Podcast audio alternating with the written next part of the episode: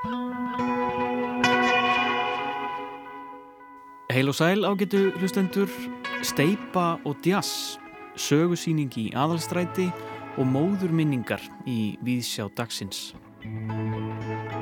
Mótel af gamla hverfunni í kvosinni þar sem stafrætt viðbættur veruleiki mun glæða rýmið lífi með personum og leikandum verður hluti af nýri síningu sem borgarsögursafn opnar í næstu viku. Nýja síningin er framhald af landnámsíningunni og rekur sögu byggðar í Reykjavík að frá landnámi til samtímans. Hún tegir sig neðanjarðar frá aðalstræti 16 yfir í elsta hús Kvosarinnar, aðalstræti 10, oftar en ekki kallað Fógetahúsið. Á síningunni verður áherslu lögð á að varpa ljósi á daglegt líf íbúa Reykjavíkur og tíðarandan í gegnum aldinnar og hugmyndin er að nýja síningin undistrykki mikilvægi aðalstrætis sem sögu miðju Reykjavíkur en frekar. Við lítum inn í elsta hús borgarnar í þætti dagsins og hittum starfsfólk borgarsögursaps. Steipa og djass eru kannski ekki fyrirbæri sem að oft eiga samleið en sextettin Concrete Jazz Orchestra gerir heldur betur tilrunir með það á nýri plötu Concrete Abstracts sem er sjálfstætt framhald af plötunni Concrete sem kom út árið 2011. Sveitina skipa þeir Ari Bræi Kárasson, Andris Þór Gunnlaugsson, Birgir Steinn Teodorsson, Einar Skeving, Hilmar Jensson ásamt leðtónum og lagahöndunum Magnúsi Rapsinni. Hann er mentaður verkfræðingur og sérsvið hans er mannvirkja gerð og steinsteipa. Súþekking blandast á forvitnilegan hátt við tónlistina, hinn harða steipa og mjúki djassin Við fengum Magnús til okkar í heimsókn og spurðum hann út í þessa tvo heima, hvernig þeir tala saman og heyrum nokkur brot úr nýju tónlistinni. Endurminningar fólks um mæður sínar fela í sér úrvinnslu og framsetningu kvenna og karla á umfangsmiklum minningum um mæður sínar. Lífsaga maðurana er mismunandi og minningarnar ótal margar sem til samans kortleggja æfi þeirra kvenna. Þetta segir Dalrún Kaldakvísl en hún fjallar í Pisli dagsins um endurminningar fólks af maðurum sínum. Í endurminningum af maðurum og feðrum var algengt að fjallaværum stjórn maðura og feðra á tilfinningum sínum. Tilfinningastjórn sem að nútíma maðurinn myndi aflaust skilgrana sem tilfinningabælingu meira en um það í Pisli Dalrúnar hér á eftir. En við byrjum á að halda neyri miðbæ Reykjavíkur. Þá erum við komin í miðbæ. Við séum komin hérna í kvosina. Við erum hérna, já, þetta er elsta svæði Reykjavíkurrunnin. Hér byggðist Reykjavíku upp. Við ætlum að fá að kíkja í aðalstræti 10. Hér er allt á fullu. Sýning Borgarsögursaps að opna hér. Þetta er þetta elsta og kannski mögulega fallegasta hús borgarinnar og hér á að setja einhvers konar punktin yfir yð held ég á uppbyggingu sem hefur verið að eiga sér stað síðast einn ár. En ég er hérna stödd með þreymur stafsmönnum Borgarsögu Saps, Guðbrandur Benediktsson Sapstjóri. Takk fyrir að taka mótið mér hérna fyrir utan þetta fallega hús. Já, takk kærlega fyrir komin og ertu hjartanlega velkomin. Já, það er hárið, þetta er náttúrulega svona sögumiðja Reykjavíkur, gamli miðbærin, Kvosinn og uh, við höfum Borgarsögu Saps sem samastendur á árbæðarsafni og landnáðsýningunni og ljósmyndasafni og sjómyndasafni og við þeim. Við höfum náttúrulega verið með uh, starfsemi hérna í landnáðsýningunni þar sem að við erum svona varpaljós og uppa byggðar í Reykjavík og svo síninga opnaði 2006 virkilega vendu og velhefnuð segja mikilvæg hóværð en okkur þótti tímabært og borgarauðveldum að, að halda áfram með þá frásagn og uh, það var 2018, árs 2018 sem að borgin uh, leisti til sín þessi, uh, þetta elsta hús Reykjavíkur aðastræti 10 sem að árætur Reykja til innrættika tímans og það er nefnilega undirgöng frá því húsi yfir í landnámsýninguna og þá gafst okkur færa á að uh, halda áfram með þá sögu frá landnámi, þræð okkur í gegnum miðaldirnar til einleitíkatímans 19. öldinni, gerum henni svolítið skil og síðan uh, bara alveg til samtímans mm -hmm. þetta náttúrulega undirstrykar auðvitað líka stöðu aðalstrætis sem helstu já hvað ég segja, sögum miður ekki okkur tíma lína í raun og veru kannski bara eftir aðalstræti frá landnámi til samtímans og verður gríðanlega liftistöngjaldi fyrir e, miðbæinn, fyrir allstrætið og náttúrulega borgarsögus að Breykjavík verður hér með þá sínilegt á þessum stað. Mm -hmm. Ef að koma inn í hús Helga Morín Gilvardóttir, þú ert hérna deildarstjóri miðlunur hérna og ert búin að vera eina af þeim sem ert með töklu haldir hér í þessu. Hva, ert þú búin að vera að raða hér í hillur eða hvað?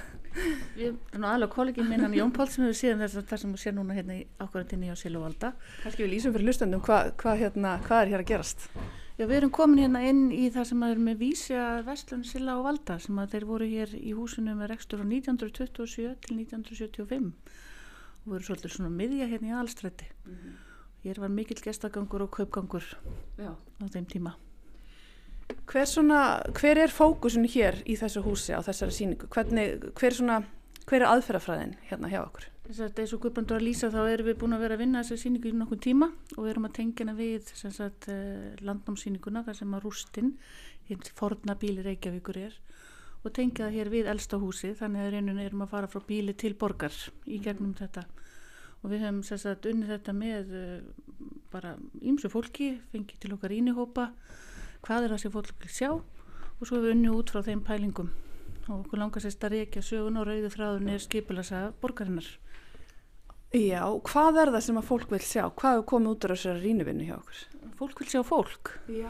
Það vil sjá fólk, þannig að það er líka það sem, sem kemur fram Já. og svo líka bara hvernig við verðum að Reykjavík, þessu borgarlandi fólk vil sjá fólk, eru þá að tala um bara hinn almenna borgara og þetta daglega, venjulega líf eða hvað? Já, meðal annars það sko, svo líka Já. kom tíma því að Reykjavík dætt svolítið úr sögunum tíma sko, næstu í svona eila hálfpartin kvarfaði, það voru allir bara að lifa hér í sáttu samlindi og voru ekkert að rýfast eða neitt og þá var svona, svona næstu því þessu bara svona eigða í sögunni, en þetta er svona, við verðum að finna út af þessu líka segja góðu og, en stundum við ratar oftast bara í dómsbækur til þess borgar Reykjavíkur þá er það það sem hefur að segja frá þegar fólk varð á mistöku í lífinu Já. Og það er stundum heimildunar okkar en það var líka allt friðsalt og allir bara í góðu skapi. Hvernig mun þessi friðsalt byrtast þér í þessu húsi og þetta góða skap? Það byrtist meðal annars hérna í gamla gamla húsinu sem við göllum það hér. Mm -hmm. og það er kannski Íris myndi geta sett í byttu frá því. Því lík þjónust að hafa hérna þrjá. Við vorum alltaf hérna yfir í næstu stofu kannski bara. Íris Gíða, Guðbergadóttir þú ert hérna verkefnastjóri yfir þessu, eða hvað? Uh, já, ég er hérna verkefnastjóri síninga á Borgarsöðusafni og hérna og hef svona ímis hlutverk í þessari síningu mm -hmm.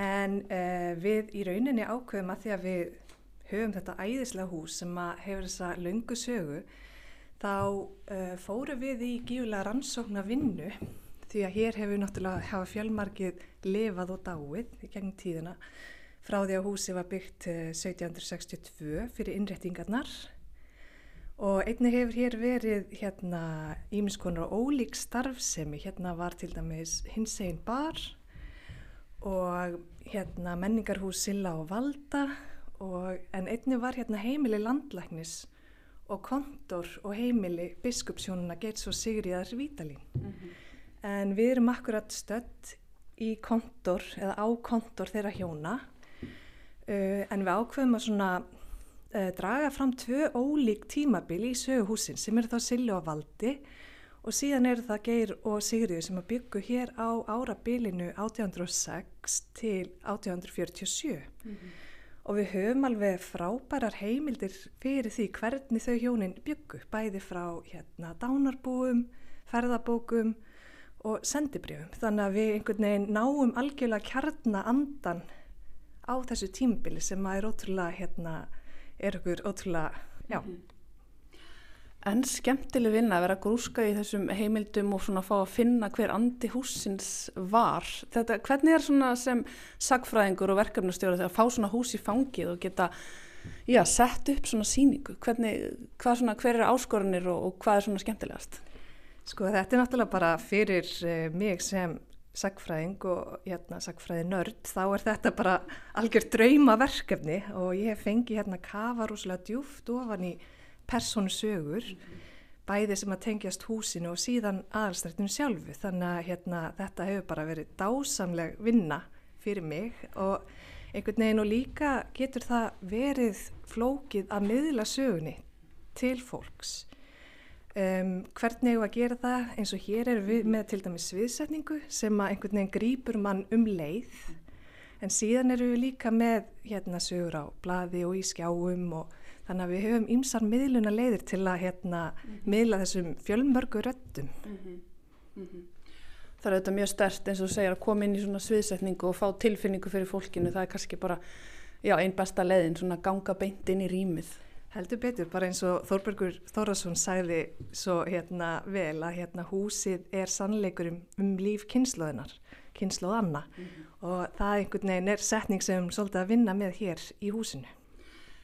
Ég veit að það er eitthvað mjög fallegt mótil hérna hinnum megin, eða að kíkja á það. Já, algjörlega. Þetta er auðvitað alveg magnað sko þessi uppbygging sem er búin að eiga sér hérna stað og eiginlega hvernig líður ykkur, ég menna loksins er þetta gerast, þetta er búið að vera svolítið langt ferli, hvenna fekk borgin þetta aðastrætti tíu í henduna segiru? Eh, Það er 2017 en það er svo sem ekki langu tími í svona hlutana samhingi því að húsið náttúrulega sér miklu miklu lengri sögu þannig að við erum alveg rólið með það. Alltaf sé ekki allir gladir að þetta sé komið svona í hendur sapsins. Jú, það heyri núna sögunni til svona ef við leikum um smá orðagrín að hérna bara hluti á borgarsögursafni og verðugur sess. Íris, hvað erum við hér að horfa á? Herri, já, þetta er hérna eitt kjörgripur síningarinnar. Um, þetta er glæsilegt mótel sem að þeir hérna finnur Arnar Arnarsson og Þórarin Blöndal smíðuðu og þetta er í rauninni hérna horfum við beint niður aðalstræti árið 1906 og í þessu rými, mótelin náttúrulega stendur algjörlega fyrir, sí, fyrir sínu, það er alveg mjög glæsilegt og, en við ákveðum að ganga þetta aldrei lengra og fara í mjög djúpa rannsóknarvinnu. Og við erum búin að finna upplýsingar um alla íbúa götunar á árinu 1906 og í rauninni þá erum við líka búin að finna ljósmyndir og upplýsingar um það. Og fyrir þá sem að vilja fara alla leið í söguna þá eru þessar upplýsingar hér aðgengilegar. En einnig þá höfum við verið í samstarfi við Gagarin, markmiðlunar fyrirtæki og verðum hérna með tvo kíkja og vinnum með viðbættan veruleika. Þannig að í rauninni íborgutunar byrtast ljós lifandi á mótilinu með tilherandi látum og vagnaskröldi og hérna. Þannig að þetta verður algjört konfekt fyrir augað. Heldur betur. Já, þetta er líka eitthvað sem er alveg nýtt og hefur ekki verið prófað þannig að það verður mjög spennandi fyrir okkur að sjá hvernig þetta mun spila saman. Fyrir alla og kannski sérstaklega fyrir svona sakfræðin örða eins og þig. Algjörlega og svo ég fari einmitt aftur að hérna eh, fólkinu sem að ég fekk að kynna sem að bjó hérna árið 1906 þetta er svona hugmyndin er að detta bara inn í þann heim. En það sem að mér fannst svo áhugavert var hérna hversu mikið að kjarnakonum byggu hér við götuna. En á árabilinu á þessu árabili þá var í rauninni eh, konur voru fjölminnastur í öllum aldurshópum.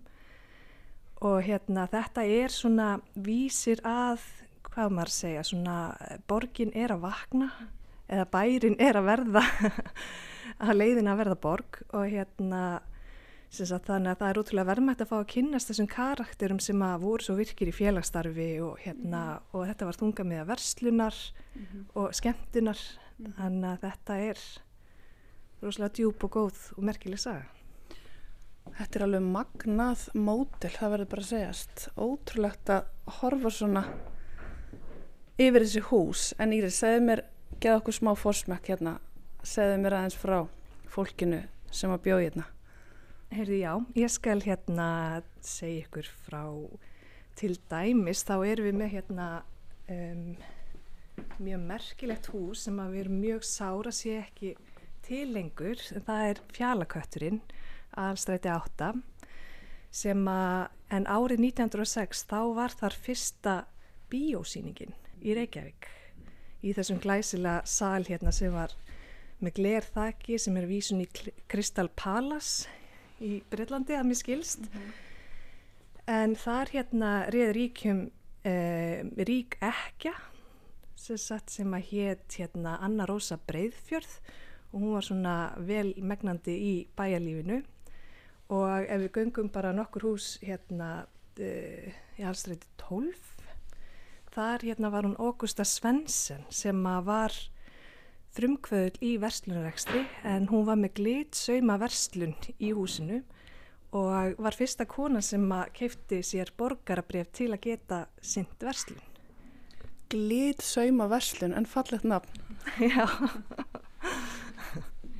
En ef við kíkjum hérna í þetta hús, hliðin á fjallakettinum, Já.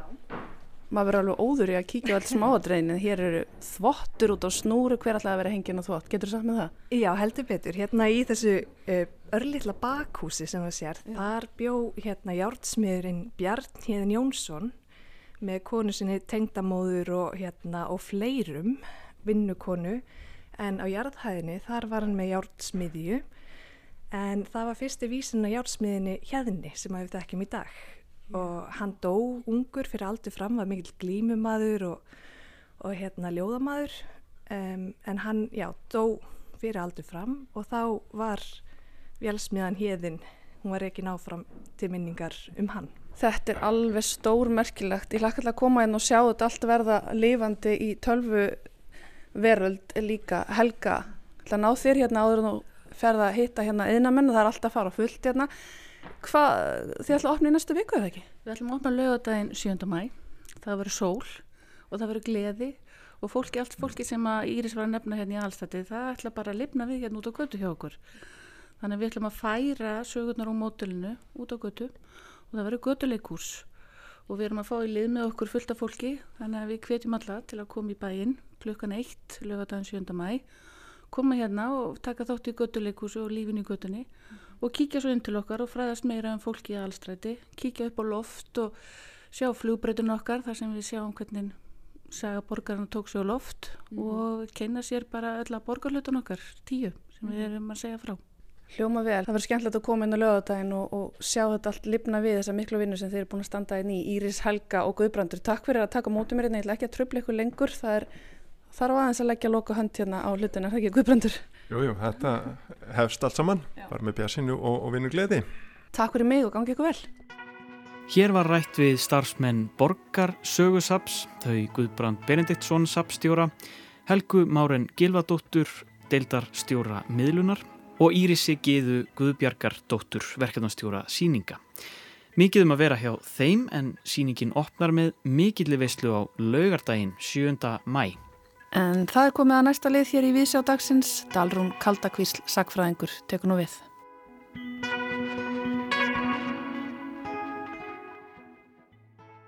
Móðir, það orð er í rítum rómað og reyfað lofi í hetju sögum.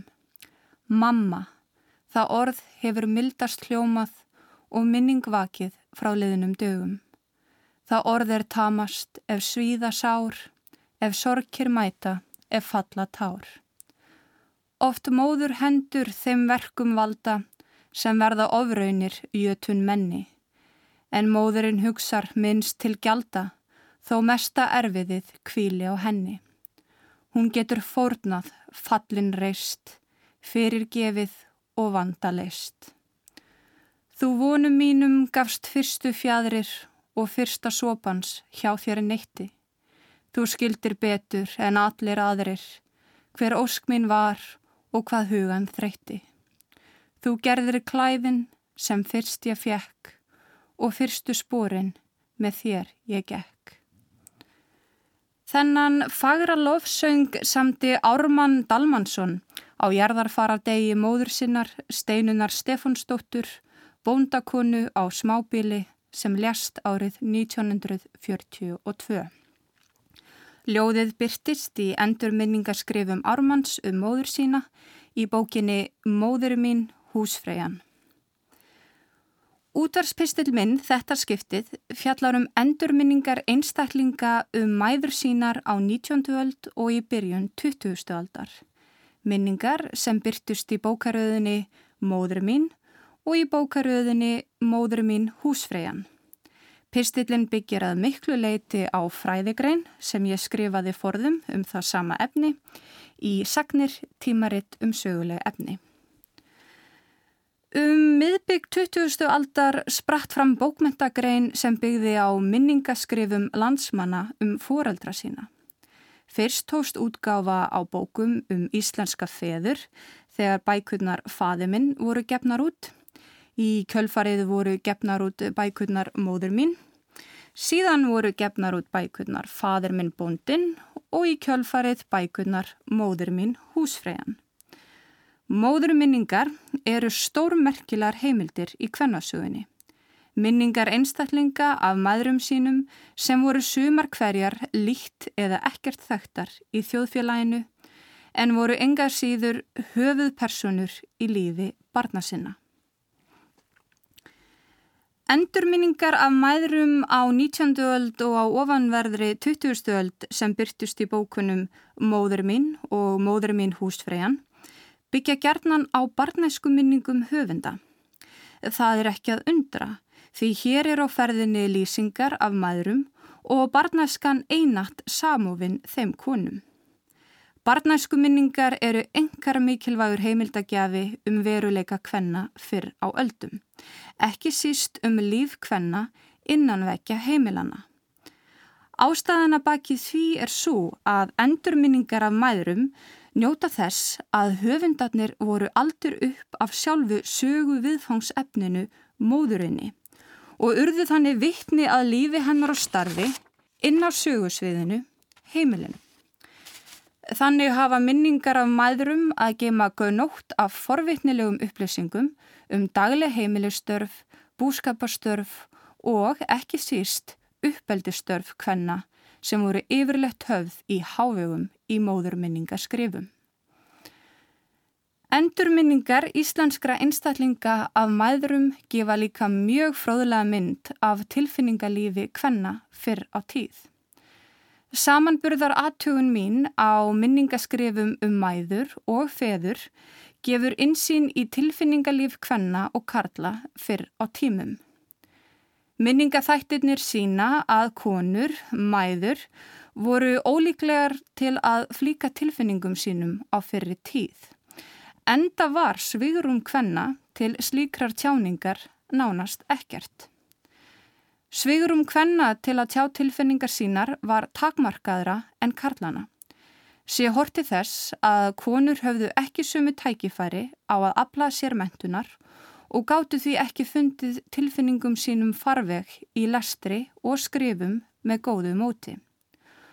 Konur gáttu löngum ekki tjáð tilfinningar sínar ofinberla, hvort sem það var með ljóðarskrifum eða útrópunum á hinnum pólitiska vettvangi. Og inn á heimilunum stiltu mæður tilfinningar sínar, gerðnan með hag barna sína í huga. Í endurminningum af mæðurum og feðrum var algengast að fjallað væri um stjórn mæðra og feðra á tilfinningum sínum. Tilfinningarstjórn sem nútíma maðurinn myndi eflaust skilgreina sem tilfinningabælingu. Tilfinningarstjórn fyrir tíma íslitinga var þeim ekki blóð borin, heldur innrætt í uppeldinu. Bækurnar Móður mín og Móður mín húsfreyjan sem og minningar af mæðrum í Íslandsögunni almennt sína hvernig mæður kendu börnum sínum í aldaraðir að stjórna tilfinningum sínum og harka af sér til að undurbúa þau fyrir áfull livsins á tímum þegar livsafkoman var gerðnan óviss og dauðin oft nálagur. Það þýðir þó ekki að fyrri aldamæður hafi ekki sínt börnum sínum mikla ástúð. Fyrri alda móður ástinn kemur víða við sögu í Íslandsögunni. Svo ást er ekki endilega bundin við orð maðura, heldur byrtist hún fremur í gjörðum maðura, í sjálfsfórð þeirra og umönun á börnum sínum. Svo ég vittni í móðurminningu úr bókinni Móður mín sem segir Móður mín var ekki hverstagslega með neitt blíðuvæl nýja ástarlót við okkur krakkana. Hún vildi fremur herð okkur í lífsbaráttunni og vildi skapa í okkur hilbriðan metnað til þess að við gætum orðið að nýtum mönnum. Endurminningar fólks um mæður sínar fela í sér úrvinnslu og framsetningu hvenna og karla á umfangsmiklu minningum um mæður sínar. Lífsaga mæðurana er mismunandi og minningarnar ótalmarkaður sem til samans kortleggja æfi þeirra kvenna. Þrátt fyrir það er mjög sterkan samhljóm að finna í móðurminningum fyrri alda íslitinga. Lestur móðurminningana leiti annars vegar í ljós sterkan samhljóm á meðal höfunda hvað viðkom skinnjun þeirra á maðurum sínum og hins vegar samhljóm á því hvernig höfundarnir reyndar skilja heiminn út frá sambandi sínu við móður sína. Þessi sterkir samhljómur í móðurminningunum er ekki síst áhugaverður í ljósi þess að hér erum að ræða ólíka heimildarmenn og ólíkar mæður í annars glænirri bókmentagrein á þeim tíma. Því er ljóst að höfundar stuttust ekki við ákveðna rótgróna rítefð í skrifum sínum um mæður sínar sem kallaði fram samhljóm í móðurminningum þeirra. Heldur byggu þeir yfir sameinleiri reynslu sem fælsti því að eiga og elska móður. Móðurminningar hefja skjarnan á umfjöllun um bakgrunn móðurinnar þar sem foreldrar hennar, æska og úlingsár koma við sögu. Síðan verða skil í sögunni er hún eignast sitt fyrsta barn og um leið kemur sögupersonan móðurinn við sögu. Þá hefst önnur og ný saga er byggir mestmægnis á sjónarhorni og minningum sögumannsins, afkvæmisins. Endurminningar afkvæma að maðurum sínum tengjast með sterkum hætti líkama móðurinnar. Móður líkaminn er líkt á taktstrygg í frásögnum einstællinga af maðurum sínum. Slíkt var ekki tilfellið í endurminningum einstællinga af feðrum sínum. Einkennandi fyrir minningar fólks af maðurum sínum eru lýsingar þeirra af maðurum sem skapara lífs með beitni vísun í byrtu og ljós. Höfundar fjöldluðu einatt um eiginleika maðra sinna til að skapa þeim örugt skjól í frumberensku. Einskonar atkvarf frá umheiminum sem byggði á sambandi móðurs og barns. Í þeim lýsingum vittna höfundar gerðnan til móður hlíunar, móður barmsins og mjölkur tauma sem lágu víða í minni höfunda. Einn höfundurinn listi móður sinni svo En í okkar augum var heimilið fyrst og fremst hún, mun svo raunar vera eða hafa verið um flestar mæður. Annar höfundur skrifaði eftirfarandi um sambandsitt við móður sína. Ég var miklu hangengnari móður minni en föður. Við vorum alltaf saman. Þó tjáði ég henni sjaldan í orðum, gleði mína eða harma. Þess þurfti heldur ekki. Hún vissi allt las allt í huga mínum og í sáldjúpu augunum hennar fekk ég svör við öllu. Annað þrástef í minningum af maðurum frá 19. öld og öndverðri 20. öld eru lýsingar á trúarhita og vendartilfinningu maðura. Samanburðar aðtugun mín á móðurminningum og feðraminningum síndi að maðurum var yðurlega list sem mjög trúiðum einstaklingum. Bænir og trúarhiti maðura koma víða við sögum í móðurminningum sem og lýsingar af því hvernig mæður ræktuðu trú og guðsóta með börnum sínum. Það var hins vegar ekki tilfellið í lýsingum á feðrum, heldur þvert á móti listu höfundar feðrum sínum stundum sem trúlausum einstaklingum. Ætla má að mikill trúarhiti kvenna hafi verið tilkomin vegna hlutverskvenna sem maðra og vendara barna.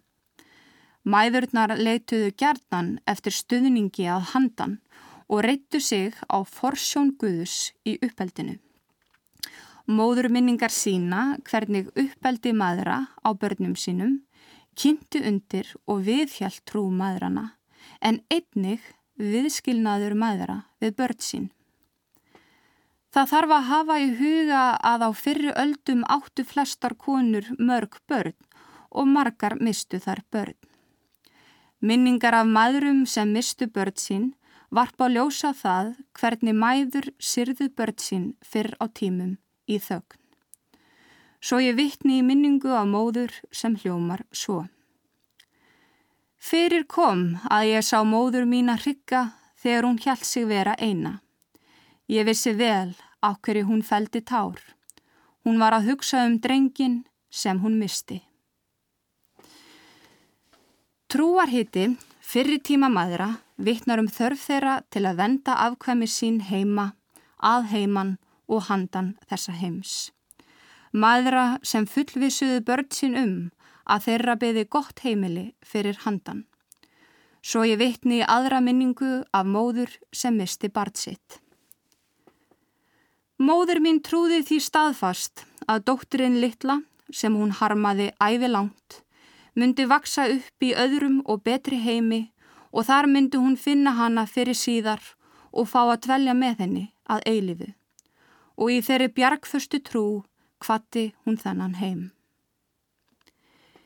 Í endurminningum af mæðurum fjalla höfundar gjarnan um mæður í tengslum við fæðingu barna, sem er eðlilegt. Það vakti hins vegar áhuga minn að sjá að sumir höfundar fjöldluðum þrá sína eftir nærveru látina maðra sinna þegar þeir sjálfur myndu láta lífið. Einn höfundur skrifaði. Því að móður ástinn, þessi mikli vendarvættur hins veika og vantroska lífs, spinnur sína ósýnilegu þræði á milli barns og móður sem tengir þau svo tröstum böndum að jafnvel endist út fyrir gröf og dauða. Skrif á borði þessi vittna um óskikjumanna eftir dauðastund í örmum þeirrar mannesku er fyrst gaf þeim líf. Í þeim skrifum byrtast látnar mæður sem ljósmæður á himnum sem taka á móti dánum börnum sínum. Ég lík útvarspistli mínum á orðum sonar sem sá dauðan sem endurfæðingu í móður faðmi. Sonar sem sá móður sína sem hringar ás lífsins. Sonurinn skrifaði. Ljósklætt byrtist hún mér í fyrstu endurminningu minni og lukti mig verndandi móður faðmi sínum. Og ef við trúum því að líf sé eftir þetta líf, þá veit ég af opnum móður örmum á ströndinni hínum megin. Sáði Dalrún Kaldakvísl, sagfræðingur. Hún mun halda áfram hjá okkur og komi næsta pistil eftir tvær vikur. En þá er það jazz og steipa.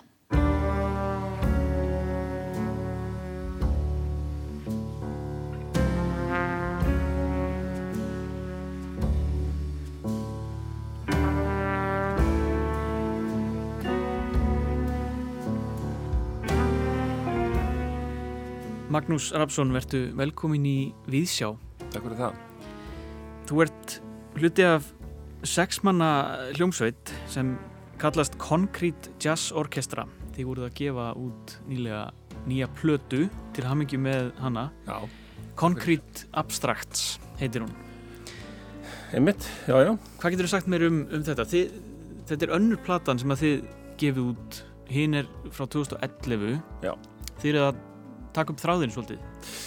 Já, þetta er svona bara uh, tema sem að byrjaði 2011 og gáum út disk hérna sem satt undir þessu nafni Mm.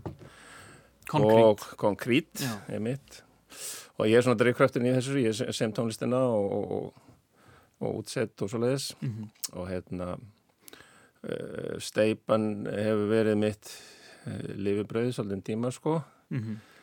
Og hérna já þannig að sem sagt, uh, ég hef svona unni með þe- þennan þráð síðan þá sko og núna það kannski stóð til að gefa út hennar disk aðeins fyrr en hérna nú er hann komin út Mm og Concrete Abstracts Já. það er bara fínt.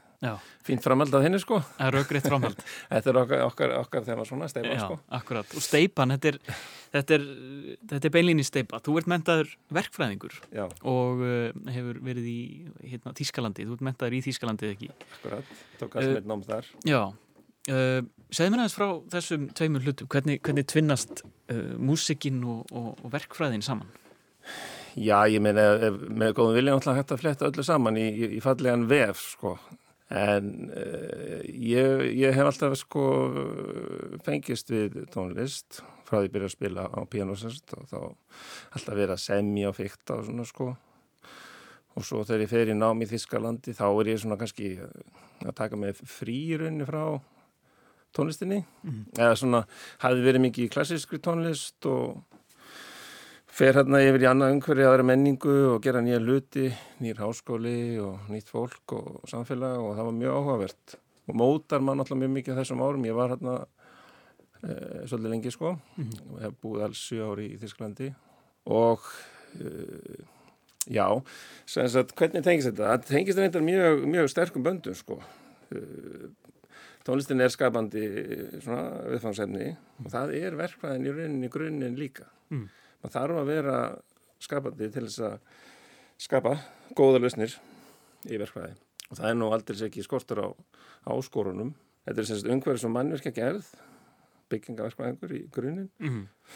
og kalla svona umhverfis og byggingaverkvæði sko og umhverfis vinkill eins og sterkur þáttur í, í fæinu.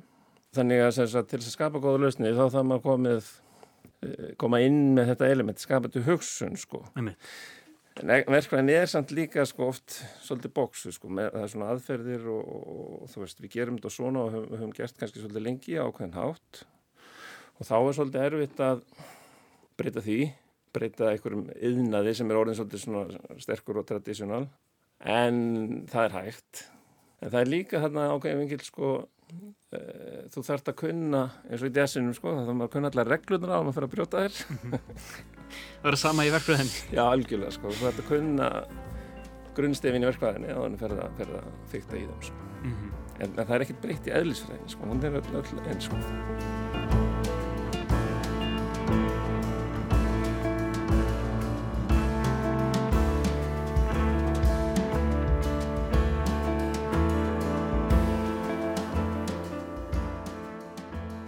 Jazzin er náttúrulega hefur þótt svona að vera krefjandi við þannig sko, maður er svona svolítið að hérna, þú veist, eh, maður þarf að hefur verið smátt og smátt alltaf að leggja meira og meira inn í þennan banka sko og, og, verkvæðin líka sko, maður þarf að, maður þarf að hérna, þetta er oft flókið sko og sérstaklega eins og umhverfismálinn og það er kannski sem að, það er svona eitthvað í þessu sko að til þess að, til þess að leysa, sko það er ekki nóg að stúdira umhverfismálinn út frá því hvað við höfum gert af hverju, veist, af hverju er hérna, nættræðin línun og allt þetta sko, mm -hmm. heldur að hérna, bara koma með lausni líka sko, hvernig leysi þetta mm -hmm.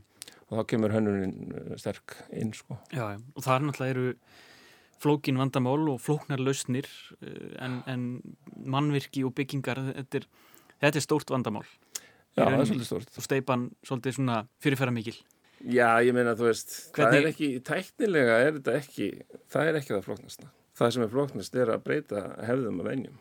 Við erum vöna að gera hannahús svona, þau eru nótum til til að mikið af steipu á Íslandi, mm. þetta sé mjög mikið og, og, hérna, og við viljum bara hafa þetta svona solid og, og stert og allt þetta sko. Mm -hmm. Og þetta vinnulega, það, það, er, það skapar þessa lausnir og um leiðan maður fer að feitt í því, þá er maður að ruggla í hérna einhverjum rithma sko sem er búið að vera svona að nota lengi sko og, og svo er menn bara að flýta sér og það er ekki alltaf rými til þess að koma með breytingar eða mm. sjálfnast reyndar sko. þannig að hérna steip og stál og manniska geirin það skapa náttúrulega eh, skapa yfir 40% eh, gróðurhús og lofteganda á heimsvísu mm. þetta er eh, held ég með að segja sko stæsti í rauninni áhrifaldur í í hérna nættrættir hlínun. Þegar allt er talað saman á heimsvísu? Já, svona á heimsvísu sko. Þegar þú tekur svona uh, þessi, þessi heimsins meðaltöl sko. Mm. Ég menn bara semins framleysla á heimsvísu telur uh, cirka 8% samkvæmt alþjóðlega rannsóknum. Mm. Stál er ykkur nokkur prósent líka og svo er ýmsir aðri prósessar í kringum mannverka framleyslu sko. Þannig að vera að hafa huga steipar og svona þúnt efni. Mm. Þannig að steipa, steipa áli en það er okkur á framtíð fyrir sig sko en það munu koma lettari efni miklu léttar efni sem er að sem sagt, leysa uh, mörg hlutverkin af sem steipan hefur hingað til mm -hmm.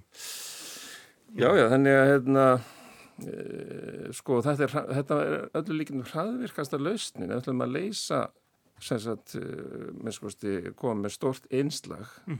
í hérna, sem sagt, þetta sem heitir nættræn hlínun þá er það mjög fljótvirk leið að breyta hefðum venjum í hönnun nota minna steipu, nota önnur efni, nota meira öngverðsefni, aðra lausnir, mm. geometri að skipta miklu máli. Og þá er svolítið áhugaverð þetta með, e, þú talar um skapandi hugsun. Það kannski, það þarf fleiri leiðir til að hugsa um þetta og, og, og vera meira skapandi. Já, já, það þarf að, það þarf að sko, já, það þarf einhvern veginn að virka betur hérna að gefa verkvæðingum um, og mannvirkahönnum, ekki bara verkvæðingum, mm. bara arkitektum og öllum öðrum, það er ekki bara arkitektur og, og verkvæðingar sem koma að mannvirkahönnum, sko. Mm -hmm. Gefa fólki meira rými til þess að, til þess að koma með nýja lausnir og innlega þess að nýja lausnir. Mm -hmm. Eins og normin hafa gert þetta mjög markvist í 15-20 ár og hafa hann á hús sem eru sem sagt svo kallu plushús skilja ekki gram af, af, af hérna, gróðurhúsaloftegundum eftir já, já. eftir sig sko mm. og hérna Það er ímsa lausni til sko, en þegar það er að vera að fara í tækningunum þá þarf náttúrulega að vera svolítið, það þarf að vera sem sagt faruðu fyrir það, mm. vettvangur og fólk sem kann að sem sagt þróa nýja lausnir. Um leiðut fann að fara út af þessu hefnuna og fann að gera eitthvað sem, sagt, sem er óhefbundi, þá þarftu að hafa betri tök á fæin og kunna sagt bara svolítið eins og þessi desinu sko. Þú þarft að geta brúðist við sko. Mm -hmm. eitthvað svona sem er kannski pínlítið óvænt. En, en, en mesta áskoruninn er samt sko það er sagt fólkið þú veist að hérna hefðirnar, við erum verið að gera svona hlutin ákveðin hátt eins og segja og hérna já en þetta er þetta það sem að mér finnst svolítið skemmtilegt sko. Mm að reyna svona að hérna íta á eitthvað að taka sko. Mm og fá eitthvað breytt. Akkurat. En svo ertu með tónlistin einhvern veginn hann undir og ef við færa okkur aðeins þangað um, þú ert með einvala lið tónlistamanna þarna með þér. Segð mér aðeins frá þeim. Já, þetta er náttúrulega allt miklu snillingar sem spila, spila með mér hérna á þessu, þessari plötu. Það er bara í Kárásson er dektur trömbutleikari og Andres uh, Gunnlaugsson gítarleikari, Hilma Jensson gítarleikari, Einar Skeving á trámum og Bergir Steinn Teodorsson á bassa. Mm. það er menn sem eru ha, spila mikið. Og ég hef kynst, kynst þessum köpum í gegnum námið í FIH sem ég hef verið. Ég haf verið bæðið verið spila með mér og verið kennararnir mínir og, og hérna, nema Bergir, hann er aðeins yngri. Yngstur í hópnum. Já, það var sérstaklega ég sjálfs hef ég kynst þessu, þessu mönnum þar sko. Og, og, og svo náttúrulega spilum við þarna saman sko eða gerum þarna disk Konkrít 2011 það eru með mér Einar og, og Andres og Leifur Gunnarsson á bassa. Mm.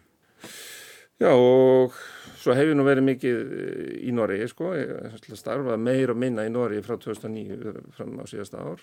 En hérna alltaf verið í sambandi við uh, þessar félaga minna og Svo loksins, og svo erum við náttúrulega ábúrslega uppteknir og loksins fundum við hann að glöfu í COVID COVID-inu sko til þess að taka þetta upp. Mm. og hérna bara fara bara að það hafðist sko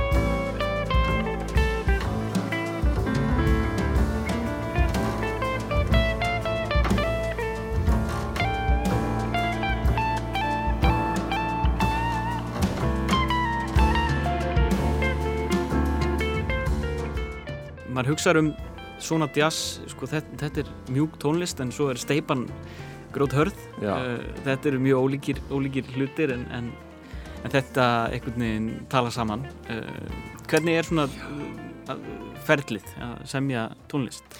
Já, maður er náttúrulega sko, eins allan ekki á mér sko, þá er þetta bara það ég er maður er kannski alltaf spilandi eitthvað sko. Mm -hmm. Og, og það er svona oftast það fyrsta sem ég gerir, ég kem heim úr vinninu sko, þá sest ég oftast pianoið þá er oftast mesta motivasjónin í að spila bara eitthvað sem að, sem að er, er í hausna á mig þá stundina sko og já, slappa, slappa mjög vel af við það sko mm -hmm. þannig að maður er svona að spila þessi lög og, og formaði kannski á, á bara hljómborðinu sko á pianónu og síðan ef maður eh, kannski er það sko eitthvað eitthvað sem sé nótæft mm -hmm. þá hérna fer maður að skrifa það upp Já, og þú veist, reynir að heyra eitthvað fyrir sér sko og velur, velur náttúrulega hljóðfærin og hérna, ég meina það er ekki samt alltaf hægt að spila alla tónlist með allskyns mögulegum hljóðfærin sko, ég er sem sagt mm. að vel, velja þessa útsetningum, ég var svolítið spennandi að setja sko Helmar Jensson og Andris Þór Gunnarsson saman í hérna svona gítarkombó sko. Já, einmitt. og hérna, já, svo, svo verður eitthvað til úr þessu sko. Já, er eitthvað mikil spurning á undan? Þetta er svona löng, löng lög. Já, já, það sko... Það er hátt í sjö mínútur þarna. Já, það er búið, að kött þetta sko. Mm. Þetta er sem sagt skrif og svona, en þá er ég kannski búin að spila þetta svona uh, í alls konar, alls, konar, alls konar útgáfum sko, mm. eftir minni. En síðan uh, kannski, þú veist, svo það maður að forma þetta aðeins mm. kannski meira. Þá klipp maður eitthvað af og, og svona reynir að setja þetta í eitthvað svona aðeins fastara form. Og já en, en ákvæðið samt sko að svo spilum við þetta. Og það er ekkert búið ákveða hver, ykkur, hver spinnur hvað, hvað er neitt svolítið sko. Það er svona bara gerist og gerist þetta mjög finnst mér heppilega eitthvað neinn og hérna já já svo bara eru sjömyndina komna sko. Þetta er okkur þrýr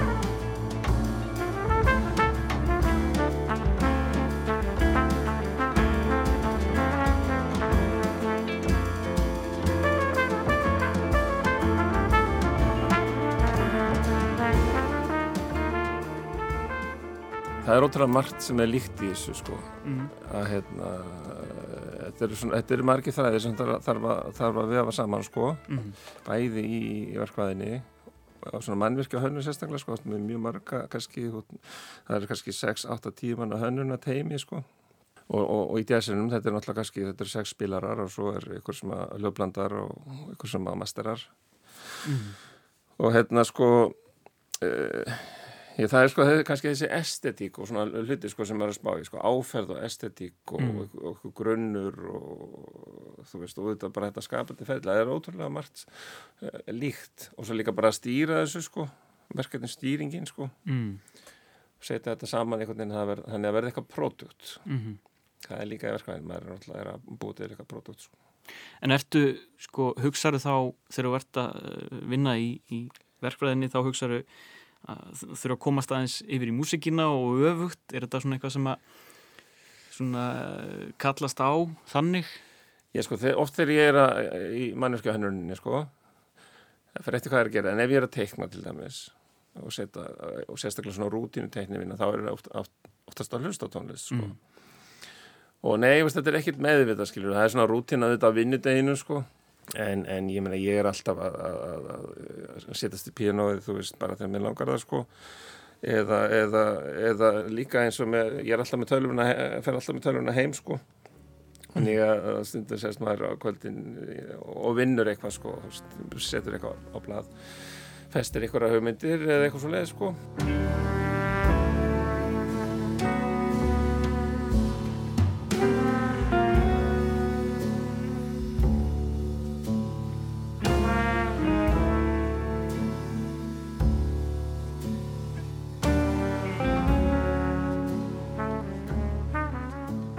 Getur þú talað um uh, eitthvað svona áhrifavalda í tónlistinni? Svona hvaðan sprettur þessi áhugin á, á jazzmusikinni? Já, ég get náttúrulega skútskýrt það. Þegar ég var að læra piano sín tíma þá fannst mér jazzin, þá var ekki komið þángað sko, uh, semst ungur. Mm.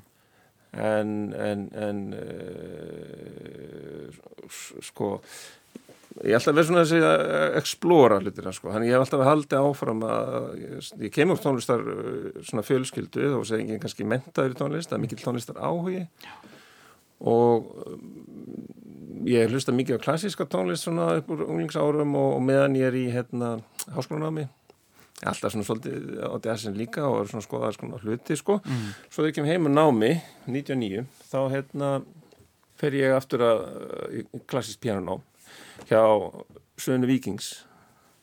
Og, og hún er nú með þekktari píjánukennurum í bænum. Mm. og hérna hún er að kenna upp í FIH þannig að hún er bara með aðsetu þar og er einna kennurum þar þannig ég fer bara, er þar sem sagt í því umhverju sko. Og byrja svona smátt smátt að sjá hvað þessi þessar er að gera og þessi krakkar sem eru í þessnámi sko.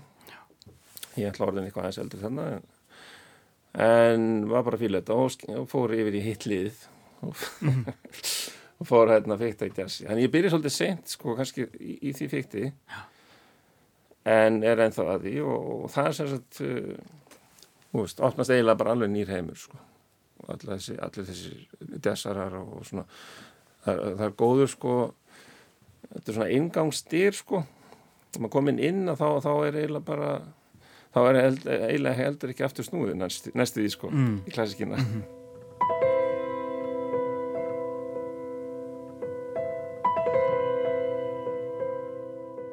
Og hvernig er framhaldið? Er þetta að fara að spila eitthvað svona kjölfærið að þessari, þessari nýju plötu?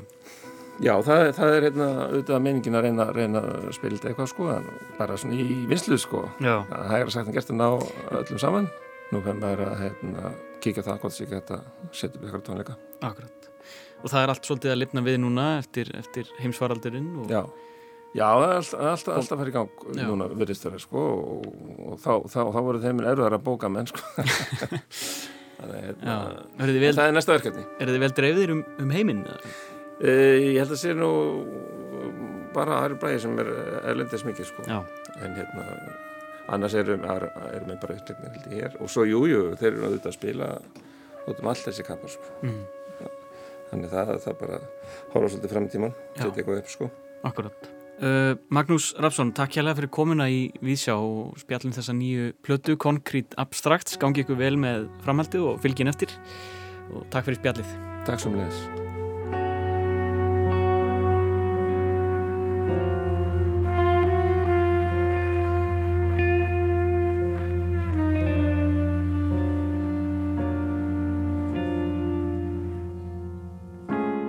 Hér heyrum við lag af nýri plötu Concrete Abstracts en lægið heitir Scandinavian.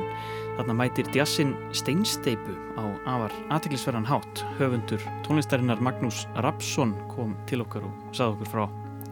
Já á þessum nótum ætlum við að ljúka þætti dagsins. Takk fyrir að vera með okkur í dag. Verðum að sjálfsögðu aftur hér á sama tíma morgun. Verið sæl.